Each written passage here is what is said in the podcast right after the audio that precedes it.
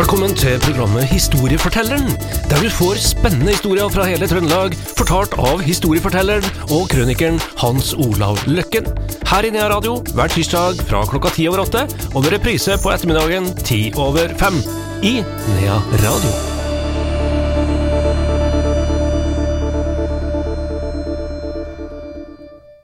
Velkommen tilbake til Nea Radios eh, historietime. Hans Olav Løkken, velkommen du også. Takk. Siste program så snakka vi om en tragisk jernbaneulykke i Hummelvika. Vi skal fortsatt være i Hummelvika, men eh, denne gangen er det ei flyulykke som eh, er utgangspunkt for programmet. Ja.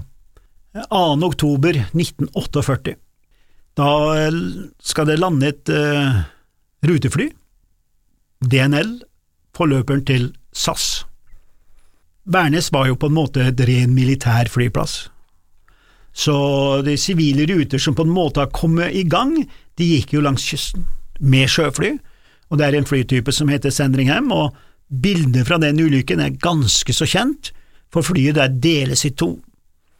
Jeg skal ikke snakke om årsaken, men vi som driver med luftfart, vi vet jo selvfølgelig hva som er årsak til ulykka, det interesserer ikke andre, og, men poenget er altså at flyet øh, skal vel trekke opp igjen og, og, og, og bli kasta ned i sjøen, og, det blir delt i to her, så du ser liksom at øh, flyet nesten splittes opp da.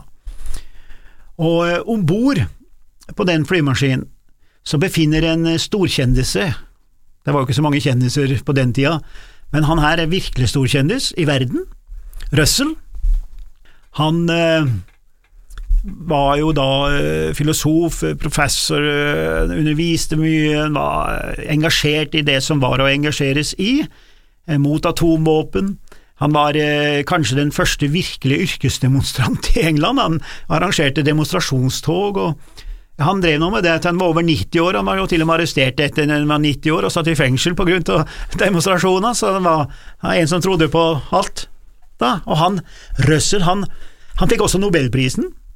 Som sagt, eh, det er mange i, i, Norge som har hørt om han her Røssel.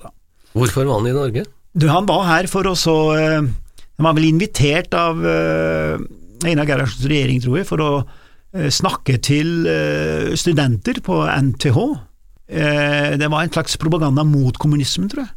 Det var jo den tida hvor for å si det bent ut, så skulle vel Arbeiderpartiet kvitte seg med kommunistene, tror jeg. Det var sånn sist der, så det var, en, det var i hvert fall en veldig stor fløykamp i Arbeiderpartiet.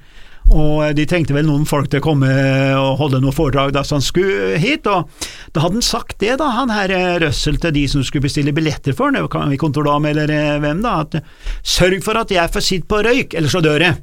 For det er jo sånn uttrykk som mange bruker som røyker, da, storrøykerne, de bruker det uttrykket her, at får du ikke en røyk nå, så dør jeg, så går de ut, ikke sant. Og han, han hadde sagt det. Og det som er det litt sånn uh, komiske i den situasjonen, er jo at uh, de som uh, satt på røyk, overlevde, og de som satt på ikke-røyk, omkom.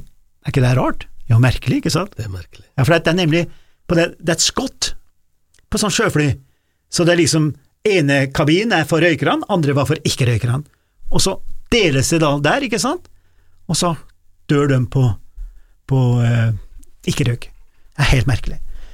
Så han eh, Og du, du, finner ikke noe bilde av en røssel uten at han har ei pipe eller en sigarett i kjeften. Altså. Han, han, var av de her storrøykerne. Husker jo på, husker jo på sort-hvitt-fjernsyn i Norge på 60-tallet hvor man satt og røkte i studio, husker du det? Ja, ja, på debattprogrammet. Debattprogrammet, ja, ja. Satt de der og røkte og kosa seg.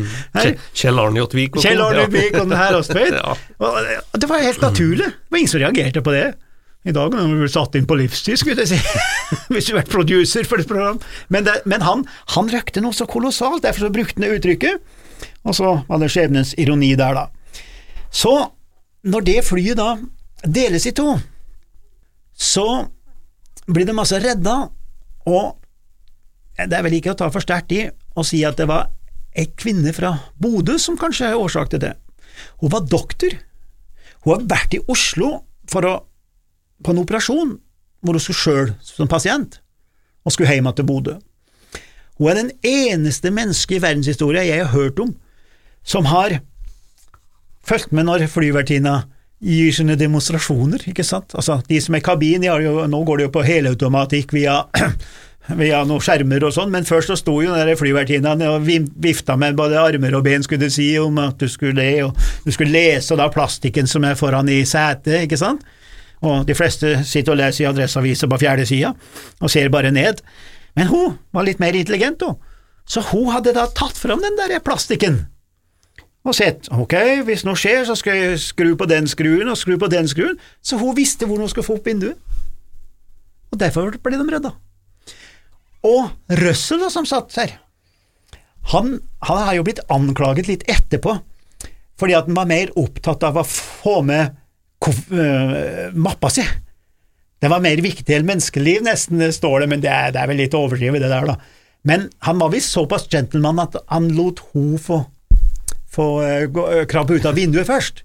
Og du vet, i og med at de landa på, på sjøen, da, eller på, på fjorden der, så var jo båtene klar. Så båtene de var jo der omtrent før flyet hadde begynt å søkke en millimeter.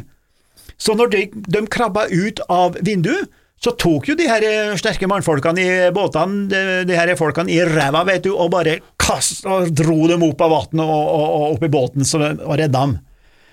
Og han Russell, la vi si at han var nede i vannet i, i, fem sekunder. Kanskje, kanskje ett svømmetak.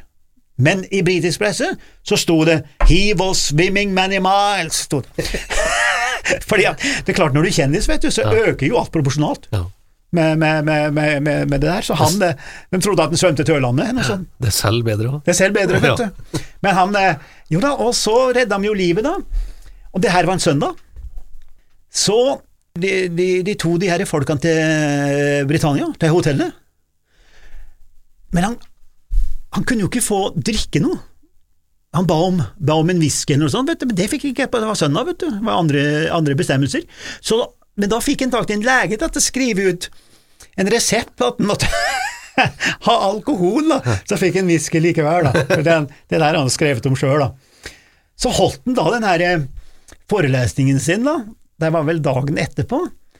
Og så skjøt de opp til ei hytte, studentene på NTH skulle ta med han til ei hytte oppe med Gråkann, eller i hvert fall langt oppe i Byåsen der. Og det regna noe så jæklig. Det var forferdelig ikke det regna den dagen. Ja, og det er et litt viktig poeng, kommer tilbake til det. For han her er Røsse, han var en skarping, så han, han var litt sånn språkgeni, og så han klarte å skille ut dialekt, og det er, jo, det er jo veldig godt gjort, ikke sant? Så han har skrevet at det var to ting han husket fra sitt opphold i Norge og Trondheim. Det ene var at uh, ordføreren uttalte Trondheim på én måte, og biskopen på en annen måte. Det er denne striden mellom Trondheim og Trondhjem og alt det. Det catchet han, og det er jo problemet at nordmenn catcher, ikke sant? men han klarte å, å, å, å se den nyanseforskjellen der, så det skriver han om. Og det andre han huska fra sitt opphold i Trondheim, var at det var like bløtt over som under vann når det regna opp i Byåsen. Og slik endte denne historia, fortalt av vår historieforteller Hans Olav Løkken. En ny historie får du neste uke til samme tid.